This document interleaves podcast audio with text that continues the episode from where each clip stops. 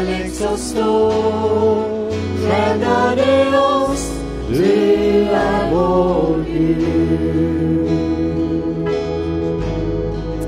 Halleluja. Fader vi bara prisar dig, vi bara tackar dig för att din nåd och din kärlek den sköljer över oss den här morgonen. Herre vi har kommit tillsammans framförallt för att vi vill möta dig Herre. Vi vill sitta ner inför ditt ord, vi vill prisa och lova dig, vi vill be till dig, vi vill ge till dig. Vi vill vara nära dig och nära våra bröder och systrar. Tack Herre för att du har lovat att vara mitt ibland oss när vi samlas i ditt namn.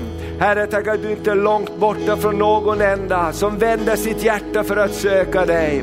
Tack för var och en som lyssnar via radion idag också. Tack Herre att du är nära just nu var och en. Fader vi bara prisar dig. Kom och öppna ditt ord för oss. Tack att ditt ord är liv för oss. Tack att du kommer till oss också genom ditt ord Herre. Därför du bor i ditt ord.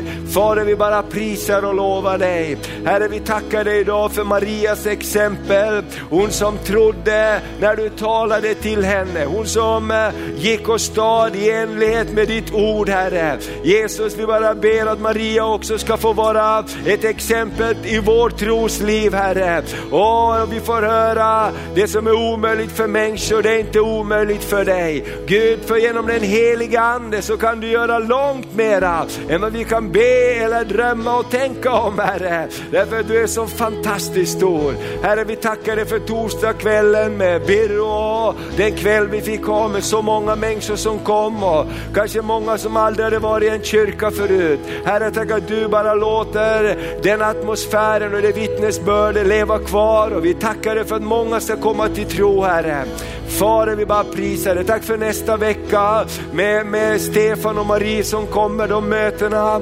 Åh Herre vi bara tackar dig för att det ska vara en besökelsetid ifrån himmelen. När du Fader berör oss på ett underbart sätt. Fader vi bara prisar och lovar dig och vi lämnar hela åh, våra liv i dina händer. Vi tackar dig för det i Jesu namn. Och allt folket sa det.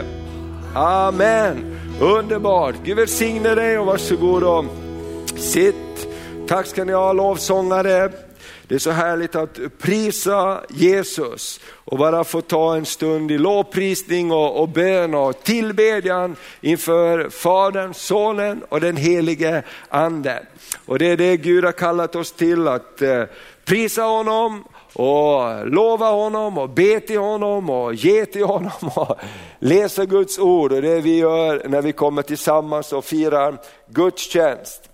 Och det är också gudstjänstfirande som förenar allt Guds folk över hela jorden. Den här söndagen så samlas man för att fira gudstjänst faktiskt över hela jordklotet. Söndag morgon, uppståndelsens morgon. Och det är lite olika tid över hela jordklotet så det har hållit på en bra stund och kommer att hålla på ganska länge.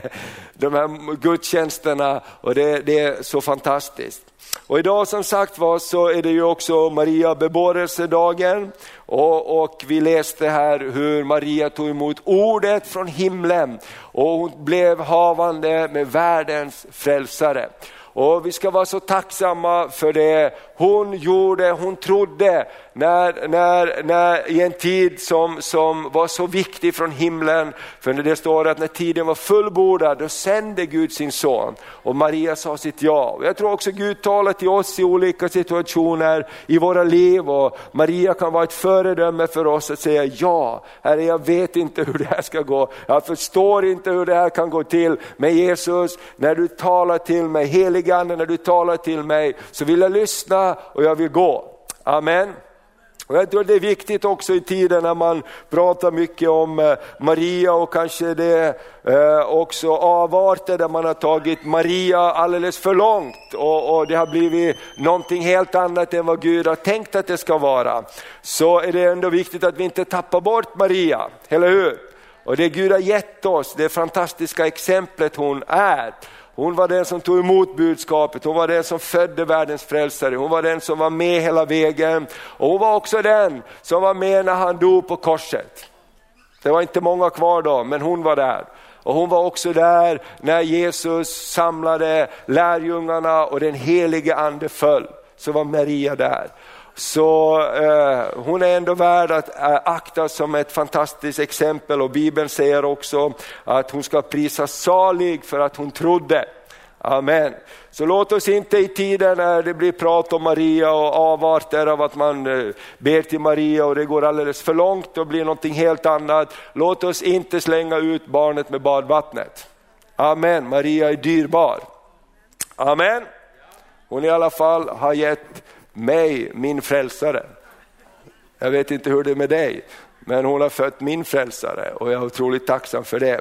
Amen. Så Låt oss bara prisa Herren och jag tänker det också när jag, jag har undervisat om, om eh, eh, grunderna för vår tro och, och doktriner och, och illäror och så för några veckor sedan när jag var i Indien en av veckorna. Och då så pratade jag ganska mycket om det hur man kan ta en sanning i Bibeln men när man drar en sanning för långt då blir det någonting helt annat. Vi har ju det vi ofta brukar prata om eh, Ersättningsteologin, när församlingen har sagt att Gud handlar inte längre med Israel, utan Gud handlar nu med församlingen. Gud har förskjutit sitt folk och nu är det bara de som tror som Gud handlar med. Och vi vet att då blir det helt fel också.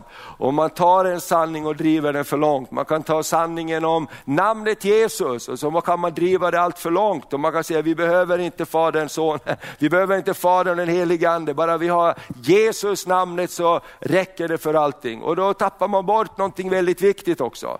Amen. Så i de här tiderna av lite, lite oro kring det här området, så låt oss inte slänga bort san, grundsanningarna, eller hur? Amen.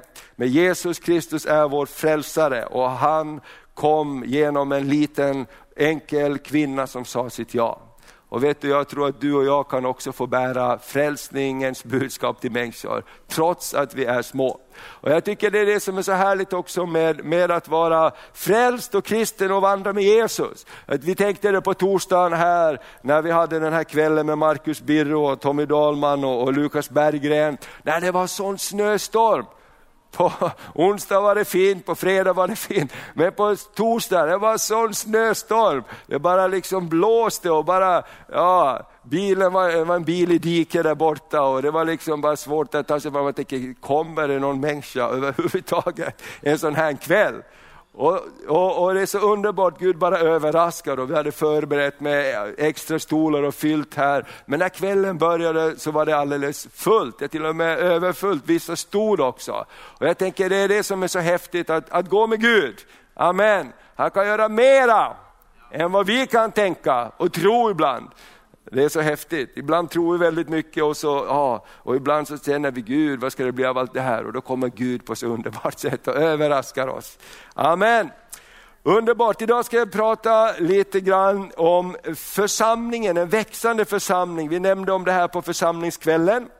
Och, och eh, nio olika faktorer som genom historien som har varit kännetecknande för en växande församling.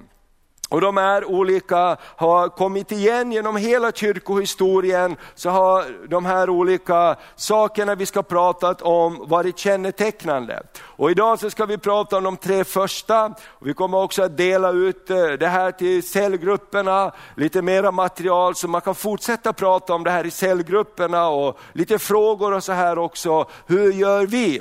Därför att det är en sak att veta om någonting och en annan sak att göra någonting. Eller hur? Är ni med mig?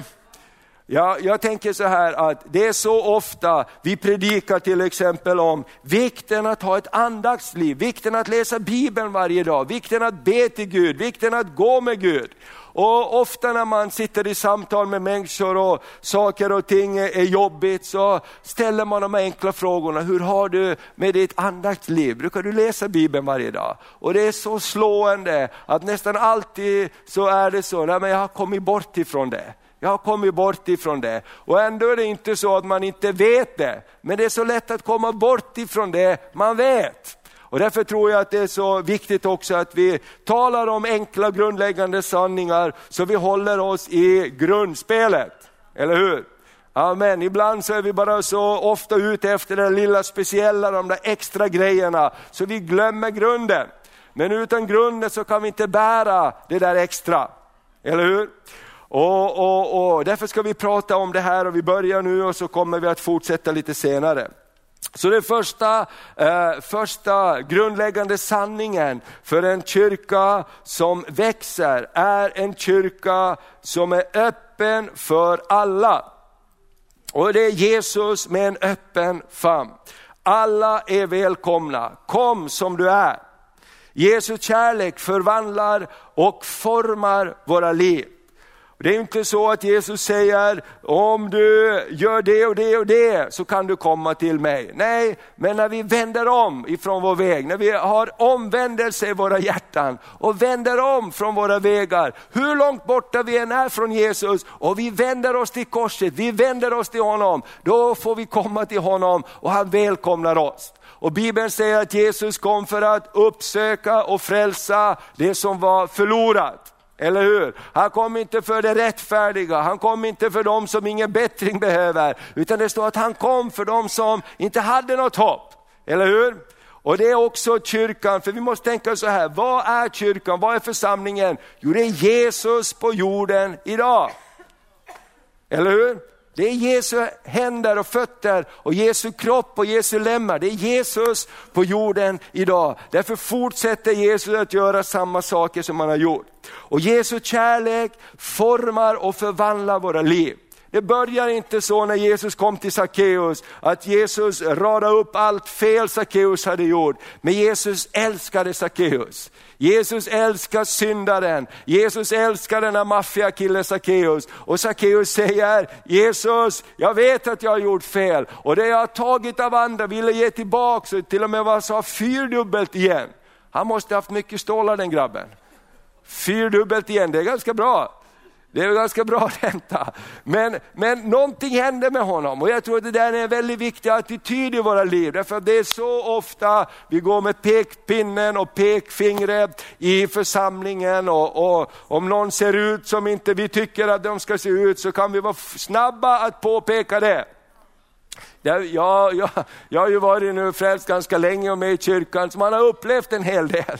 Och när vi hade tältmöten och åkte omkring och, och med Håkan Westergård och hade kampanjer, och då hade vi ett team där och några av tjejerna hade målat sig.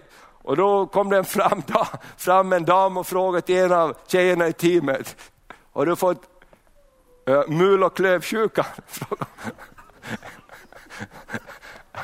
Stackars tjej, vet du. Alltså, det kan vara så hårt ibland i kyrkan för de yttre sakerna, men vad, hur viktigt är det? Du vet det var den här tiden när det var klöv och mul, mul och klövsjuka, jag vet inte, ja, korna fick, blev konstiga. Kommer ni ihåg den tiden? Man fick slakta en massa och det blev liksom vanställda och så här. Va? Och, och, och, och, Jag tänker ibland så kan, det vara, så, så kan det vara så vast ibland också. Och det är ingen öppen kyrka, eller hur? Amen. Om någon har färgat håret, liksom, eller har en konstig frisyr, ja, hur långt i hjärtat sitter det? Och hur lång tid tar det kanske innan man inser själv att man kanske kan ändra frisyr? Men ibland är vi så väldigt upptagna av de yttre sakerna, så vi glömmer det inre. Och det är, det är en sanning, kan vi inte nå ett hjärta så kan vi aldrig tala till förståndet heller. Därför kan man nå ett hjärta och, och finna ett hjärta, då finner man också människornas öron. Amen. Och därför tror jag just en, en attityd, och det betyder inte att man godkänner allt, att man accepterar allt, att man ger upp sin förhållningssätt, men att man tror på att Jesu kärlek kan förvandla och forma en människas liv. Och vi har ju det, många vittnesbörd, människor som har blivit, blivit frälsta, vi har haft det här i församlingen och man, man, man börjar gå med Jesus och man ser, ja men vi lever sambo, det, det är inte som Bibeln lär. Vi behöver gifta oss, vi behöver komma tillsammans, därför att det är det vi ser. Istället för att någon går och med stora pekpinnar direkt. Och det här tror jag är en stor, eh, Eh, ett stort steg för oss eftersom vi har fått mycket undervisning, vi vet så mycket. Hur uttrycker vi en kyrka som är öppen för alla? Utan att ge avkall på våra värderingar och det vi står för. Amen. Och det står så här, alla som kom till Jesus så tog han emot och hjälpte. Han botade och upprättade, men han sa också följ mig, gå och synda inte härefter. Amen. Det var en attityd som Jesus bar som gjorde att det fanns en öppen famn för människor. Det, kom, det står så här, vi ska läsa det lite senare, vi kan ta nästa bild. Det står att han var syndarens vän. Det här första bibelordet känner du bra till, första Johannes 1 och 12. Alla som kom till honom fick rätten att bli Guds barn. Alla som kom till honom fick rätten att kallas Guds barn. Amen. Alla som trodde fick rätten att säga, jag är barn till Gud. Amen. Och det var ingen åtskillnad där och det där är jätteviktigt att vi har den respekten också för de som inte alltid har samma uppfattning om allting som oss. Tror vi på Jesus Kristus, bekänner man Jesus som sin Herre och Frälsare, Amen, då får man bli ett Guds barn. Amen. Då blir man ett Guds barn. Sen det andra bibelordet kan vi läsa här ifrån Lukas 15, där det står så här, att Jesus han var syndarnas vän. Och vad betyder det? Ja men syndarnas vän. Och, och vi kan läsa det här i Lukas 15 och vers 1 till 2. Och här är också hela eh, över, över överskriften på det här kapitlet, liknelsen om det återfunna fåret. Och här handlar det om, som du vet, som har läst Bibeln, att han lämnade de 99 och gick för att söka det ena fåret som var borttappat. Och det står så här från vers 1 och 2. Alla publikaner och syndare höll sig nära in till Jesus för att höra honom. Är det också församlingens vittnesbörd idag? Inte alltid kanske, vi behöver tänka på, på det. Eh, men fariséerna och de skriftlärde kritiserade honom ständigt och sa det, den mannen tar emot syndare och äter tillsammans med dem. Det var Jesu vittnesbörd. De kritiserade han ständigt. Vilka typer va? Det var som i, i Kalle Anka-filmen man tittar på julen, den där fågeln som går efter hela tiden. Som, det står, kritiserar han ständigt. Varje dag var de där. Men Jesus han hade ett större hjärta, han hade en annan attityd till de här. Och jag tänker så här ibland också att eh, Ibland så kanske vi blir lite för känsliga, religiöst överkänsliga för olika saker. Om vi ska återspegla Jesu närvaro här på jorden, hur kan vi, åt, hur kan vi bli kallade syndarnas vän? Amen. Hur kan församlingen bli kallad syndarnas vän? Om vi inte går till dem, om vi inte har en öppen attityd till dem. Eller ska vi bli kallade den religiösa klubben? Och det är faktiskt, för oss har vi en väldigt lätt eh, förståelse av det här. Det är klart att vi är öppna för alla. Men jag tänker bara förra året när vi delade ut de här lapparna till valborgsmässoafton. Och jag skrev några speciella rader att vi tycker det är jättekul om du vill komma och, det, och vara med på brasan och så här. Och du är mycket välkommen. Och någon av våra grannar här längre bort som kom och så sa så här, ja vi har ju sett varje år att ni har haft den här brasan där, men vi har trott att det är bara för er kyrka. Och de som tror liksom som ni. Jag menar för oss har vi alltid tänkt så här när vi har sagt välkommen, att det är välkommen för alla. Men de tänker inte så, de tänker det är välkommen för de som tror som ni. Och hur ska vi övervinna de sakerna? Och jag, jag, jag, det var liksom talat i mig väldigt mycket. Därför jag bara känner att vi ska skriva lite personligt så här, att vi tycker det är roligt om ni kommer och, och ni är jättevälkomna att vara med. Och, och, och de här personerna sa att när vi såg det så tänkte då får vi nog också komma. Och det här behöver vi rannsaka oss och tänka till. Hur ser de som inte tror på oss? Är vi en klubb som man måste vara medlem i för att komma hit? Amen. Det är jättebra att tänka på de här sakerna och, och, och så. Och så står det ju så tydligt också i Jakob eh, vers, eh, kapitel 2 och vers 1-9, gör inte skillnad på människor. Det står det kommer in en man i er samling som är fattig och, och, och kanske smutsig, du säger till dem, sätt dig längst bak och så kommer det en i fina kläder med ring på fingret och de säger, vi sätter längst fram, här är en bra plats. Och Bibeln säger, är det inte så att om ni gör skillnad på människor så går ni emot Guds bud? Amen.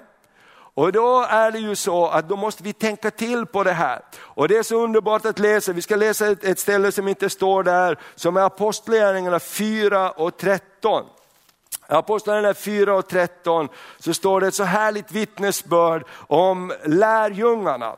Eh, och, och, det är de här, eh, när de predikar om Jesus, så, så står det så här, eh, Eh, att eh, fariseerna och de skriftlärde och de här runt omkring så, så var förundrade. Och det står så här, när de såg hur frimodiga Petrus och Johannes var och märkte att de var olärda män ur folket, så blev de förvånade. Man kände i, men så kände de igen dem och kom ihåg att de hade varit tillsammans med Jesus. Amen. Och när de såg mannen som hade blivit botad stå där tillsammans med dem, så blev de svarslösa. Och det här tycker jag är häftigt. Det var vanliga människor ur folket som hade varit tillsammans med Jesus. Jesus plockade inte eliten, Jesus plockade vanliga människor. Amen fiskare. Till och med att, att, när de såg på dem så står det att det var vanliga människor ur folket. Och de var förvånade, vad är det här för människor? Men så kom de ihåg, de hade varit med Jesus. Amen. En kyrka som är öppen för alla och har Jesu kärlek flödande gör att människors liv blir förvandlade. Man säger efter ett tag, jag vill inte gå min väg, jag vill inte hålla fast vid mina saker, jag vill bli mer lik Jesus. Amen. Ja, ja, du har säkert varit där i ditt liv när du blev frälst och, och, och bara älskar Jesus och ingenting annat är viktigt. Jag vill bara lära känna Jesus ännu mera.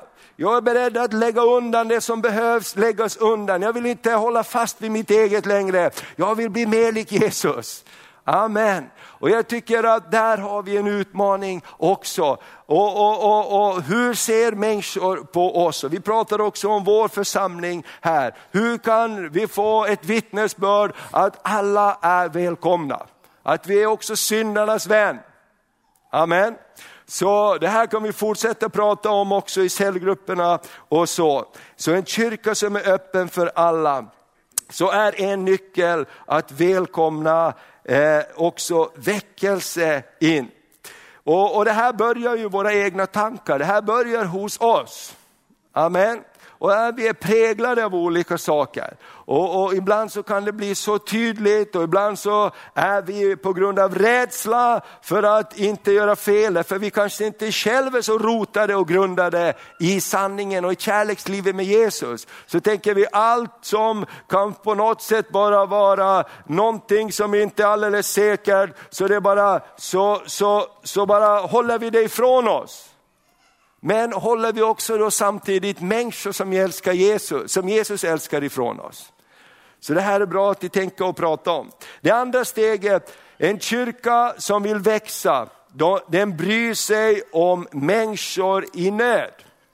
Och det är det vi kallar diakoni. Hjälpen som ger tillväxt. Och det är det vi ser speciellt händer också i den första församlingen när de börjar sträcka sig utåt och, och hjälpa människor så står det att de var väl omtyckta av allt folket. De var väl omtyckta av allt folket därför att de hade ett hjärta för folket. Och Det här är också tror jag viktigt att eh, ha en utgivande kärlek som inte kräver att få någonting tillbaks. Amen. Och jag, jag, ibland blir man lite skraj och jag vet, eh, jag pratade med bara en pastor för, för ett tag sedan och de brukar bjuda in till jul och ha en öppen måltid så här som vi brukar ha också. Och bjuda på lite julmat eller julgröt och Ja, alla är välkomna. Och han, och han sa, äh, vi, vi, slu, vi slutar med det nu, för vi märker liksom att, att vi får ingenting tillbaks. Och jag tänkte, men sån attityd kan man ju inte ha. Det är ju inte därför vi vill vara utgivande, för att räkna hur mycket får vi tillbaks. För att Guds kärlek är en utgivande kärlek och någonting händer på djupet. Man kan inte stoppa en utgivande kärlek. Hur ska du hindra en utgivande kärlek? Var det Wesley som sa det, om du drar en ring och utesluter mig, så vill jag dra en ännu större ring och innesluta dig. Amen. Och en kärleksgärning, det står i Bibeln också, att gåvor tillstoppar munnen på den som vill hacka ner på dig. En gåva tillstoppar munnen på den som vill komma emot dig. Och därför tror jag just också en kyrka som bryr sig om människor i nöd. Och, och där finns det en öppning till tillväxt på ett fantastiskt sätt. Och vi kan ta nästa bild här. En kyrka som vill växa bryr sig om människor i nöd. Och den där lilla flickan som säger där, please help. Och jag tänker så här, det finns så mycket nöd runt omkring oss som vi kanske inte vill se eller inte ser. Och det blev bara som en predikan för mig i måndags här när jag kom från, från eh, Efesus och, och, och ni fick ju höra en hälsning förra söndagen och det var välsignade dagar där och Gud, tack för alla förböner för det blev verkligen en sån fantastisk andens enhet och vilja att fortsätta gå tillsammans med det Herren har kallat oss att göra. Och det, det, var som en förunderlig bara atmosfär av Guds ande som kom över oss där. Och det var så underbart. Och, och, och sen kom jag hem, jag kom hem med tåget för jag hade en träff i, i måndags i, i Stockholm innan jag kom hem. Och så på kvällen när jag hoppade av tåget här i Övik, så bara mitt i dörren där så, så blev jag mitt inne i en familjesituation. Därför det var en mamma, hon, hon var nog på något sätt lite drogad upplevdes det som. Och så stod hennes man och, och lilla dotter där, kanske i tio års åldern. Och, och jag hamnade mitt i det här och, och, och mamma var på väg i, att åka och pappan och lilla barnet stod där, men mamma sa hon, vart ska du åka? Jag bara måste, jag bara måste dra. Men, men vart åker du? Jag bara måste åka. Och, och, flickan bara stod där med tårarna i ögonen och pappan försökte trösta henne och sa, men måste du åka? Jag bara måste. Och så typ, du vet på tåget så här, då bara stängs dörrarna och så drar det iväg och den lilla flickan stod där och grät med sin pappa. Och jag tänkte det, hur många sådana finns inte? Det var ingen liksom utslagen familj på, som, på det sättet, det var en vanlig familj va?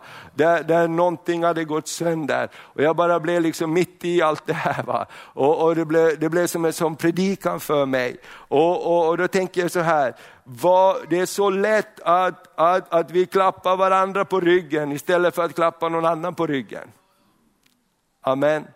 Det är så lätt att, att tänka att vi ska ha det bra istället för att tänka att andra också ska ha det bra. Och det här tror jag att vi har i våra hjärtan, men jag tror att det är jätteviktigt att vi nu när vi talar om tillväxt och talar om att möta människor, rannsakar våra hjärtan och tänker hur kan det här gripa mitt liv? Amen. Hur kan det här gripa mitt liv? Och jag måste säga det också, att jag, jag, jag, jag ber till Gud, Gud låt det gripa mitt liv. Och jag, jag, jag bad också Karl-Erik Salberg när han pratade om de här sakerna, att be för mig, för att jag är ju uppväxt mycket med det här och haft det väldigt nära mig hela min uppväxt, att ta hand om, om människor och utslagna människor, trasiga människor och de har bara varit väldigt nära oss hela, hela tiden. Och jag på något sätt känner också, ni vet när min mamma var här, hon berättade också om, om när de började arbetet och de hittade ett helt gäng män som, som levde på soptippen egentligen i ett eget tillverkat hus och bara ögonen stirrade. Så vi, vi bara måste ge dem mat, vi måste ge dem kläder, vi måste göra någonting åt dem. Men man kan välja också att titta bort. Man kan välja att inte åka där och se det. Men jag tror också när Gud vill röra våra hjärtan, därför är aldrig det här med tillväxt någonting bara ett, två, tre. Det börjar i våra hjärtan, att Gud får röra våra hjärtan. Amen. Så att vi kan se som Gud ser och då tror jag också Gud för in oss i olika sammanhang och olika situationer där vi inte bara vänder ryggen till. Och jag bara kände när jag gick därifrån den där situationen, för du vet man bara, folk går och så här. Och jag bara bad Gud, bara kom och trösta den här familjen. Och det blev liksom som en, en, en predikan för mig där. Och jag tror många sådana situationer finns. Och jag tror att vi bara ska be Gud, gör oss till dina redskap på det här området också. Amen. Och, och eh, Vi har ju de här bibelorden ifrån Matteus 25 och du känner till de här bibelverserna. När Jesus säger eh, på domens dag så, så, så säger han, jag var hungrig och ni gav mig att äta. Jag var naken och ni klädde mig. Jag var i fängelse och ni besökte mig. Och de sa så här, när har du varit hungrig? När har du varit naken? När har du varit i fängelse? Och han säger, nej det är inte så, utan allt vad ni har gjort mot en av dessa mina minsta, det har ni gjort mot mig. Och då sa han, gå in i min herres Eh, eh, gå, in, gå in i himmelriket. Och det märkliga med den här berättelsen i Matteus 25 är inte att han frågar efter hur många kapitel har du läst. Hur många bönemöten har du varit på? Utan hur har ditt hjärta berörts för andra människor? Det är väldigt utmanande, eller hur? Och det är det jag tror också att Herren vill verka i våra liv. Och, och så har vi berättelsen i Lukas 10 om, eh, om den barmhärtige samariten. Du känner den när Jesus tar ett exempel, vem är då min nästa? Frågade de, vem är de min nästa? Och han sa, jag ska berätta för er en berättelse. Det var en man som åkte från Jerusalem till Jeriko och han blev slagen av rövare på vägen och han låg där och, och, och skadad och döende. Och så kom det en präst förbi, men han hade inte tid att stanna. Så kom det en levit förbi, en som var med i lovsången. Han hade inte heller tid att stanna. Och så kom det en samarier förbi och de var egentligen fiende folk till judarna. Men hans hjärta var öppet öppet för en annan människa. Och det är så Jesus sa, han sa att han tog upp honom, han, han, han tog hand om honom, han förde honom till ett värdshus och han sa, här är betalning så att han kan vila och kostar det mera ska jag betala när jag kommer tillbaks. Alltså någonting hade rört hans hjärta som var mer än mitt liv. Det gäller någon annan. Och vi ska läsa det här sista bibelstället här, för det är ganska intressant. Det står att Jesus, han, han förbarmade sig när han såg att människorna var illa medfarna. I Matteus 9 och vers 36-38 så står det så här. Eh, Matteus 9 och vers 36. Eh,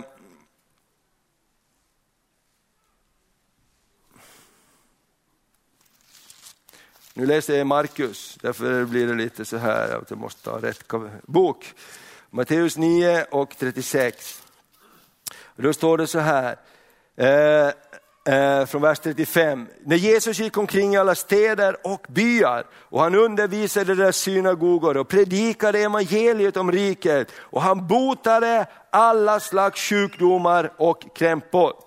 Det här var det Jesus gjorde. Han gick omkring och predikade evangeliet om riket och botade alla slags sjukdomar och krämpor. Vad betyder det? Jo, att han brydde sig om människor i nöd. Eller hur?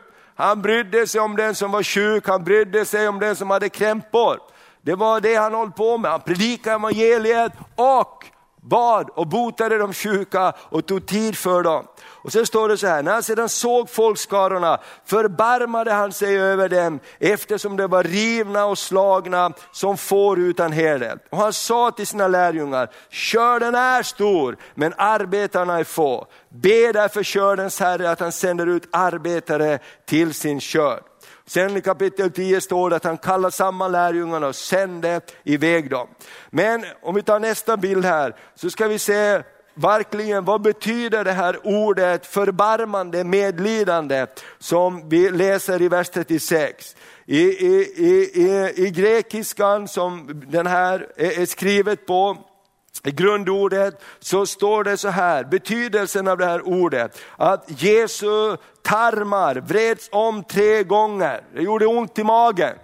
Det bara är rakt här, du vet ibland så bara, det tar, det tar inte ont här, här, det tar ont här. Har du varit med om det någon gång? När du ser någonting, det bara tar ont här, rakt inne här, tar det tag i. Och det är det det här ordet betyder, att hans tarmar som vreds om tre gånger rakt in, in, in i hans innersta. Och det står så att han fylldes av medlidande därför att de var som får utan herdar. Och det är också så att det står så här i vers 36, när han såg dem, och ibland så måste vi be Gud om nåd att se. Amen. Vet du ibland att vi kan se men inte se? Jag lärde mig speciellt när jag var ung och vi hade en, en man som hade gått igenom en skilsmässa som bodde hos oss ett tag och han lovade att ta hand om disken efter middagen. Och nästa morgon när mamma kom upp och, och, och så, här, så var hela disken kvar. Och så frågade hon, han hette Mats den här mannen, men Mats sa hon, lovade inte du diska igår? Ja, sa han, jag lovar, men jag såg inte disken, sa han. Jag såg den inte. Ja, men vi var ju i köket allihop. Ja, men han sa, jag såg den inte. Och då, då jag var väl ärlig med det. Han hade inte sett det här berget av disk som hade blivit efter en stor familj. Och han hade så dyrt och enligt lovat, jag ska jag tar hand om disken, jag är så tacksam för att jag får bo här och så här. Och så blev det en massa andra diskussioner och prat om allt möjligt. Och han såg inte disken. Och jag tänkte så här ibland, så kan det vara i våra liv också så. Vi ser men vi ser inte. Amen. Vi ser men vi ser inte. Och jag tror att vi kan be till Gud, Gud öppna våra ögon så att vi ser. Öppna våra ögon så vi ser nöden runt omkring oss och gör oss Herre till dina redskap. Amen. Den första församlingen hjälpte människor. Apostlagärningarna 6, 1-7 vet vi att eh, församlingens äldste och de här eh, apostlarna de sa, det är inte rätt att vi håller på så här, vi är alldeles slut. Vi är så upptagna att dela ut mat till de fattiga, vi hinner inte med ordet och bönens tjänst. Och då står det så härligt att då sa de, folket så här, men låt oss välja ut män som är smorda med den heliga ande och skickliga för arbete. Och de sa det, gör det och så förde de fram dem till apostlarna, de la händerna på dem och arbetet fick en ny fart. Och det står att många kom till tro, till och med präster blev lydiga och trodde står det. Alltså när de började betjäna människorna i den första församlingen så blev det tillväxt i församlingen. Amen. Det hände någonting, blev förlöst där. Och, och, och Broder Salberg han sa så här, teologi uttalas även som te och logi. Det tycker jag var väldigt bra. Teologi är inte bara en massa tankar och ord staplade på varandra, det är också teologi för någon som behöver det. Amen. Det är också någon som behöver teologi och omvårdnad. Och, och eh, där tror jag verkligen att vi kan lära oss väldigt mycket genom att ta ett steg till. Amen. Så vi har pratat om alltså nu de två första stegen, en öppen kyrka, en kyrka som är öppen för alla. Och vad betyder det för oss? Och det tror jag att vi ska prata om i cellgrupperna också. Hur så kan vi, hur så kan vi, vi, vi hantera vår övertygelse, vår fasta hållning i olika frågor tillsammans med att ha en öppen attityd. För det andra liket är ju att vi bryr oss inte. Spelar ingen roll, alla får bara vara som de vill, lev som du vill, gör vad som du vill. Kyrkan är bara öppen för alla. Det var precis som du läste om att Birro sa att han, när de frågade honom, jag vet inte om du tittar på öar, där hade de gjort en liten film med, med honom, intervju, och de frågade vad ska Svenska kyrkan göra för att inte tappa mera medlemmar? Och han sa att jag tror inte att vägen är att slipa trösklarna så mycket så man inte står upp för någonting. Och ingenting betyder någonting, utan man måste stå för någonting, men med kärlek. Amen. Och Det här är bra att prata om tror jag. Hur gör vi det? Hur kan vi ha en öppen kyrka och samtidigt ha, ha, ha, ha en, en fast tro på det Bibeln har sagt? Och hur kan vi hjälpa människor i nöd? Amen. Hur kan vi få upp våra ögon på ett ännu bredare, större sätt? Låt oss ta den sista, sista punkten också. En kyrka som vill växa har en kärleksfull gemenskap. I den första församlingen så kallade man varandra för bröder och systrar. Man var tillsammans utan åtskillnad av samhällstillhörighet. Och det här var väldigt Eh, väldigt, väldigt utmanande eh, på den här tiden, speciellt därför att då var kyrkan väldigt eh, i ett samhälle där det var väldigt stor klasskillnad. Och, och eh, nu kommer man och säger, Evangeliet är för alla, spelar ingen roll vilken klass du tillhör, spelar ingen roll hur du har det. Jesus är din frälsare som tror. Och plötsligt så var man bröder och systrar tillsammans i en gemenskap. Och eh, vittnesbördet för dem var, se hur de älskar varandra. Och Det här är så fantastiskt också, till exempel nu när jag var i Indien, att predika evangeliet för de här som har så starkt kastsamhälle, att man är född att vara en cykel cykeltransportör av människor, eller jag är född att vara en gatsopare. Och så kommer man och säger, i Kristus är det ingen man eller kvinna, eller olika saker på det sättet. Alla har samma möjlighet. Amen. Alltså bara det budskapet, det gör att wow, halleluja.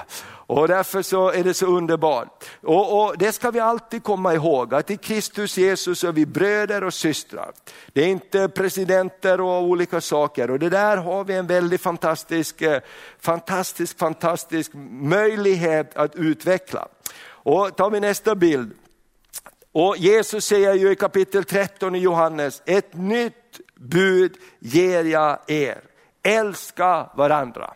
Det var det bud han gav. Han gav inte nya tio gudsbud, han sa de gamla tio gudsbuden är bra, men jag ger er ett nytt bud. Älska varandra. Och hur svårt kan inte det här lilla ordet vara? Och vi ser just nu i världen, vi ser de här sakerna som händer runt om i världen, i Ukraina och, och, och runt om, hur verkligen människans mörka sidor kommer fram på ett väldigt otäckt sätt igen, väldigt nära oss.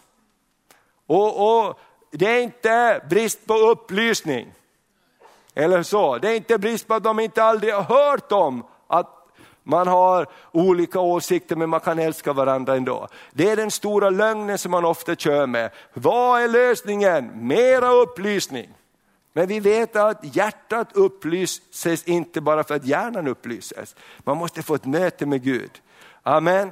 Man måste få ett möte med Gud och vi ska tro Gud bara också om, om, om, om Gud ska hjälpa det ukrainska folket. Och, och, och han som är, är nu tillförordnad president, han är också pastor baptistpastor, han är en kristen broder.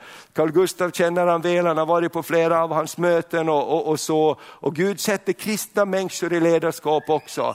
Och jag, jag vet det från min egen historia, Finlands historia, hur presidenten, till och med offentligt ute på radion och, och, och tvn sa, han bad folket att be när man hade det stora hotet från Ryssland. Ah, han offentligt sa, vi måste be till Gud, alla som kan be, be till Gud, att Gud räddar oss.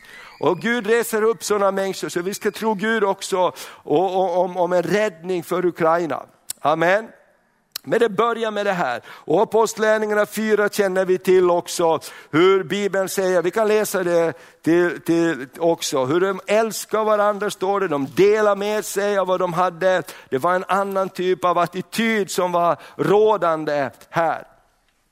Apostlagärningarna 4 och 32, då står det så här, ett hjärta och en själ. Skaran av dem som trodde var ett hjärta och en själ och ingen enda kallade något av det han ägde för sitt, utan de hade allt gemenskap, gemensamt. Med stor kraft frambär apostlarna vittnesbördet om Herren Jesu uppståndelse och stor nåd var över alla. Ingen av dem led någon nöd, utan alla som hade jord eller hus sålde vad de ägde och bar fram vad de hade fått för det sålda egendomen. Och man lade ner betalningen för apostlarnas fötter och man delade ut åt var och en efter vad han behövde. Josef som var levit och född i Cypern, som apostlarna, apostlarna kallas Barnabas och, och betyder tröstens son, ägde en åker. Han sålde den och bar fram pengarna och lade den för apostlarnas fötter. Så man ser att det var någonting i församlingen. Så vet vi ju också att i det här sammanhanget så kan vi läsa, senare se hur ändå de hade egendom och, och så här. Utan vi förstår det i nästa kapitel när Ananias och Safira kommer och apostlarna säger, var det inte ert? Och ni hade rätten att behålla det eller ge bort det. Inget tvingade er. Men det fanns de tror jag som var ledda att göra det. Så att det inte fanns någon nöd i församlingen. Och det här tror jag finns någonting underbart med det här. En kärleksfull gemenskap där vi bryr oss om varandra. Och församlingen sa det. Amen. Och ibland är det lättare, att, lättare sagt än gjort. Och jag tror med alla de här sakerna så har vi väldigt lätt att, amen, men liksom att gå från ord till handling. Och jag, jag tror bara här att Gud ska röra vid våra hjärtan. Vi kan ta en, en till bild här. Och Bibeln vill, jag tror att, att, det är viktigt att vi skapar en kultur och av omsorg och gästfrihet i församlingen. Och det har vi, men det kan vi bara utveckla ännu mycket mer. Och jag tycker det är så kul, jag sa ju det, det var några som besökte oss för ett tag sedan som ville ge det vittnesbördet, de känner sig så välkomna när de kommer hit. Att det finns mötesvärdar som hälsar på dem och säger tack när de går iväg. Alltså bara det är stort. Va? Och de sa vi bara, vi bara känner oss välkomna när vi kommer hit. Och det ska vi ta vara på och utveckla ännu mera. Kyrkkaffet är en viktig fortsättning på gudstjänsten. Det är så att ibland så i våra gudstjänster så sitter människor och de går igenom svåra situationer och de är så upptagna i sitt huvud med alla sina problem att de hör inte ett ord av vad pastorn säger. För de är någonstans helt annat. De är och löser problem på höga nivåer, eller djupa nivåer. Men sen kanske i kaffebordet, man sitter och, och, och dricker kaffe tillsammans, då finns det en öppning plötsligt där. Amen. Så låt oss inte förringa de här enkla små sakerna runt omkring.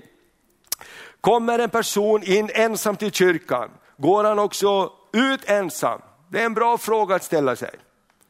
Ser vi varandra? Och här tror jag Herren kallar oss att ta första steget. Amen. Vi kan inte vänta att människor ska komma fram och hälsa på oss och säga, hallå jag bor här i grannskapet, det är första gången jag är här, är här i kyrkan, kan du visa mig runt? Vi skulle gärna önska det, att vill de någonting så kan de ju komma till oss. Men det är ju inte riktigt så. Det var så när vi hade torgmöten i, i Åbo, mitt på torget och predika. Och då kom det en fram och sa, de här torghandlarna där, Ja, det var väldigt kackeliku där i, i, i, i, Åbo på torget, för det var varje dag var det handel. Det var bagarna sålde bröd och de sålde fisk och de sålde frukt. Och det var rena kriget där ibland om varje centimeter.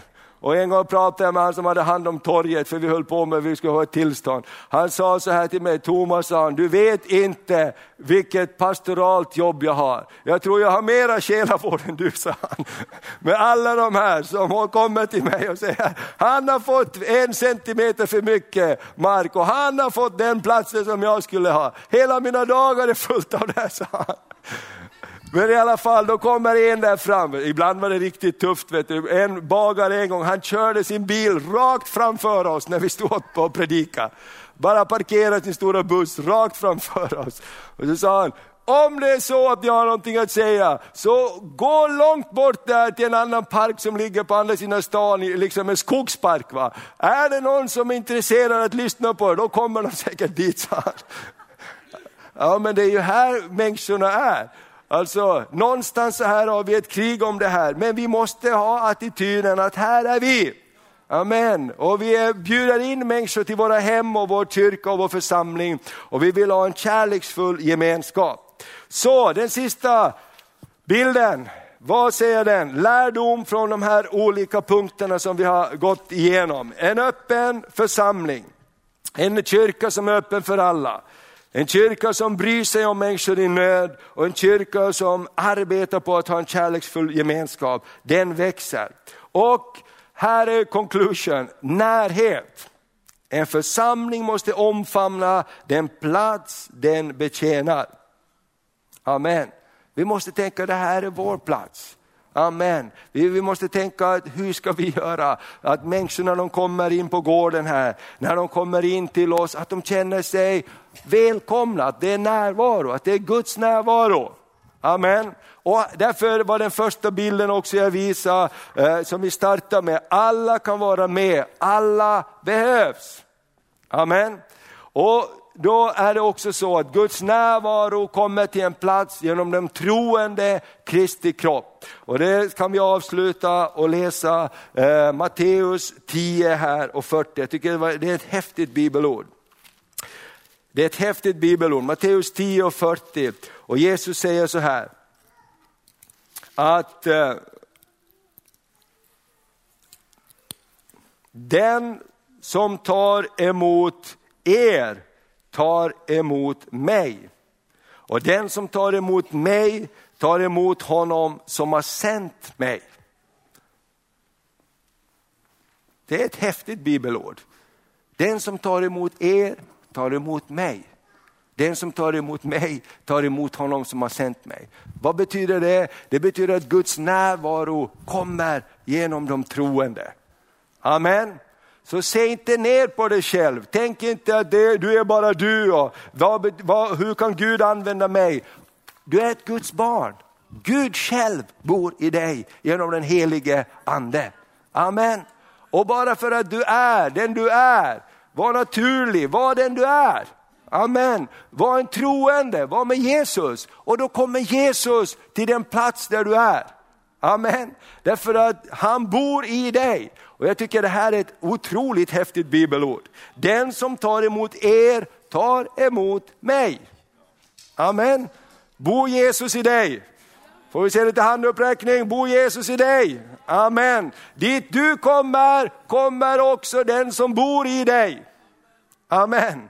Prisat vare Herrens namn. Halleluja, därför kommer Guds närvaro. Därför ska vi bara tro mer och mer att Guds närvaro ska komma in och beröra våra liv på ett fantastiskt sätt. Och beröra andra människors liv. Och jag tror att det är dags att gå mer och mer för, för, för, från ord till handling.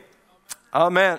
Och det är det som är den största utmaningen, att ta första steget att fortsätta göra någonting. Att inte bara pröva, men fortsätta göra någonting. Du vet det här, för att en sanning ska bli etablerad så måste man hålla på ett tag.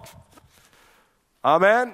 Och jag vet att vi alla är jätteduktiga att sätta igång grejer, men sluta efter ett tag. Eller hur? Vi är duktiga, men Gud behöver hjälpa oss här. Tror jag verkligen att vi, vi bara, bara kommer in i ett tänkande, Gud, du ska beröra Örnsköldsvik. Du ska beröra den här platsen.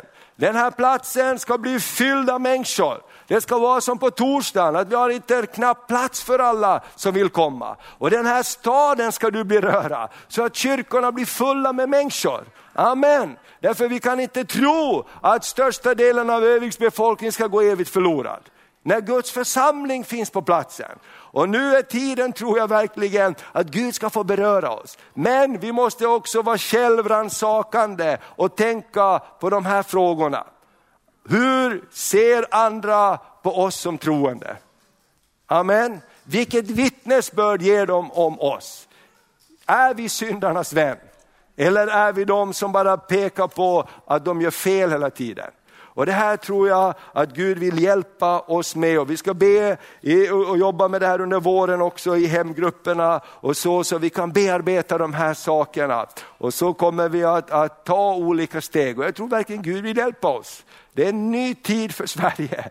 Jag bara kände det, det var när vi var där borta också, att, att nu är det en ny tid som börjar. Jag skrev det tror jag också om ni har läst på hemsidan, det är fantastiskt vad många som har läst. I förra veckan var det 1360 stycken någonting som hade varit och läst det här som jag skrev om, om, om Svedjeholmskyrkans relation till Ulf Ekman och, och framtiden. Fantastiskt många, aldrig haft så många träffar på någonting förut. Amen. Men det står också väldigt tydligt att vi tror på framtiden. Vi tror på ett nytt kapitel som börjar nu. Det är en grund som är lagd. Det vi har fått det är så fantastiskt mycket bra. Nu kan vi springa vidare med det Herren har gett oss. Halleluja. Och nu är det också så att, att, att ladda om så det är inte alltid så enkelt. Men vi behöver hjälpa varandra att ta första steget. Amen. Priset vare Herrens namn. Och därför är det så härligt att vi har Maria bebådelsedagen idag. För vi står lika förundrade som Maria. Hur ska detta kunna ske? Eller hur? Och då kommer helige ande och säger, jag ska hjälpa dig. Amen, inte genom någon mängd styrka och kraft, men genom den helige ande. Genom den helige ande ska det ske. Och vi får säga, ske oss så som du har sagt. Amen. Halleluja, Guds närvaro kommer genom dig. Vi bara tackar dig Jesus för den här dagen. Vi bara tackar dig Jesus för att din närvaro finns på den här platsen. Tackar dig Fader för var och en. Du ser att vi står som Maria också. Vi har den här längtan i våra hjärtan att bära frukt här, att få vara till stor välsignelse. Du ser drömmen vi har i våra hjärtan, att den här församlingen ska få vara en plats av välsignelse, en öppen dörr Herre. Och du ser också utmaningarna hur hur ska vi nå människor? Hur ska vi nå människors hjärtan? Och vi ber helige Ande, kom över oss. Hjälp oss där vi har fel attityder på olika områden och hjälp oss Herre att nå målet. Hjälp oss Herre. Vi bara välkomnar dig helige Ande. Om någon har tappat modet så kommer du med nytt mod Herre. Om någon har tappat visionen så förnyar du visionen, drömmen Herre. Därför att det är du som ger den. Och jag bara prisar och lovar och tackar dig. Att för vad som är omöjligt för människor är inte omöjligt för dig Gud. Vi prisar dig, tack att vi får koppla ihop med dig. Välsigna var och en. Herre tack för din närvaro, tack för nästa vecka med Stefan och Marie Fader. Tack att du bara ska komma och beröra människor, tack att människor ska bli frälsta nästa vecka. Komma till tro på dig Herre. Prisar och lovar dig för det. I Jesu Kristi namn. Amen. Amen. Så be för nästa vecka också när vi har kampanjen och, och låt det bli en körde tid. Amen. I Jesu namn. Gud välsigne dig. Nu ska vi gå vidare här. Amen. Amen. Tack så mycket Thomas. Tack så du ha. Underbart. Och då eh, vill jag välkomna Jan-Olof Raspbeck här med Gideoniterna. Ge honom en applåd.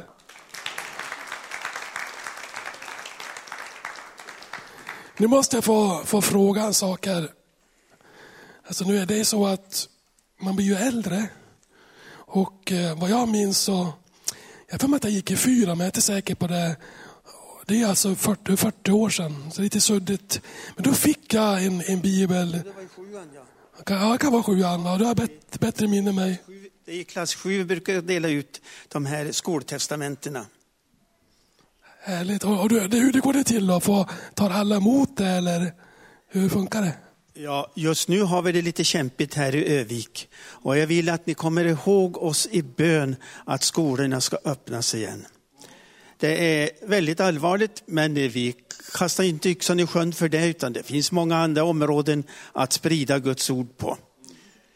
Eh, det var väldigt roligt att få komma hit idag och få träffa Peter.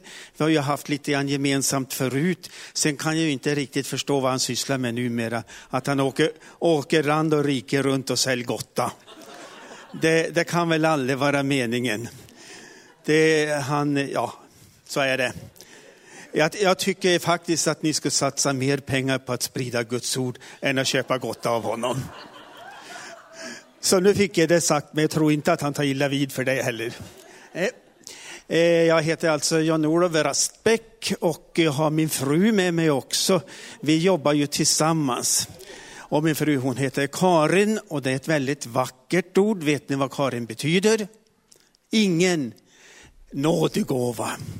Det kommer av grekiskans karisma, nådegåva. En sån har jag blivit beskärd med. Är det några fler som har fått en sån nådegåva? Ja, sörre, det var många. Men sen kan vi få andra nådegåvor ifrån Herren också. Ja, vi ska alltså presentera Gideoniterna här idag och vår verksamhet. Och då vill jag börja med att tala om att i vår tidning idag, eller den som kom nu i veckan, så finns det två vittnesbörd om vad en gideonitbibel kan betyda. Det är bland annat en ung kille, han är 28 år och sitter på en anstalt i Sverige. Han har läst sin bibel, men han har inte riktigt förstått vad han har läst. Och helt plötsligt en dag så dyker det upp gideoniter på den här anstalten. Och det har hänt nu, förstår ni, för några veckor sedan i februari. Och då skriver han till kontoret så här, finns det någon som kan hjälpa mig i, i den situation jag befinner mig? Han hade tagit emot Kristus veckan före. Och då får vi förmedla en sån kontakt till, eh, till den mannen som sitter i fängelset. Ja, på ett annat ställe i vår tidning så står det om en man uppe i Kiruna.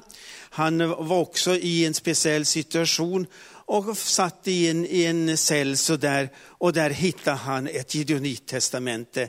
Tack vare att vi hade fått hjälp av församlingar runt om i landet för att kunna föra ut det budskapet.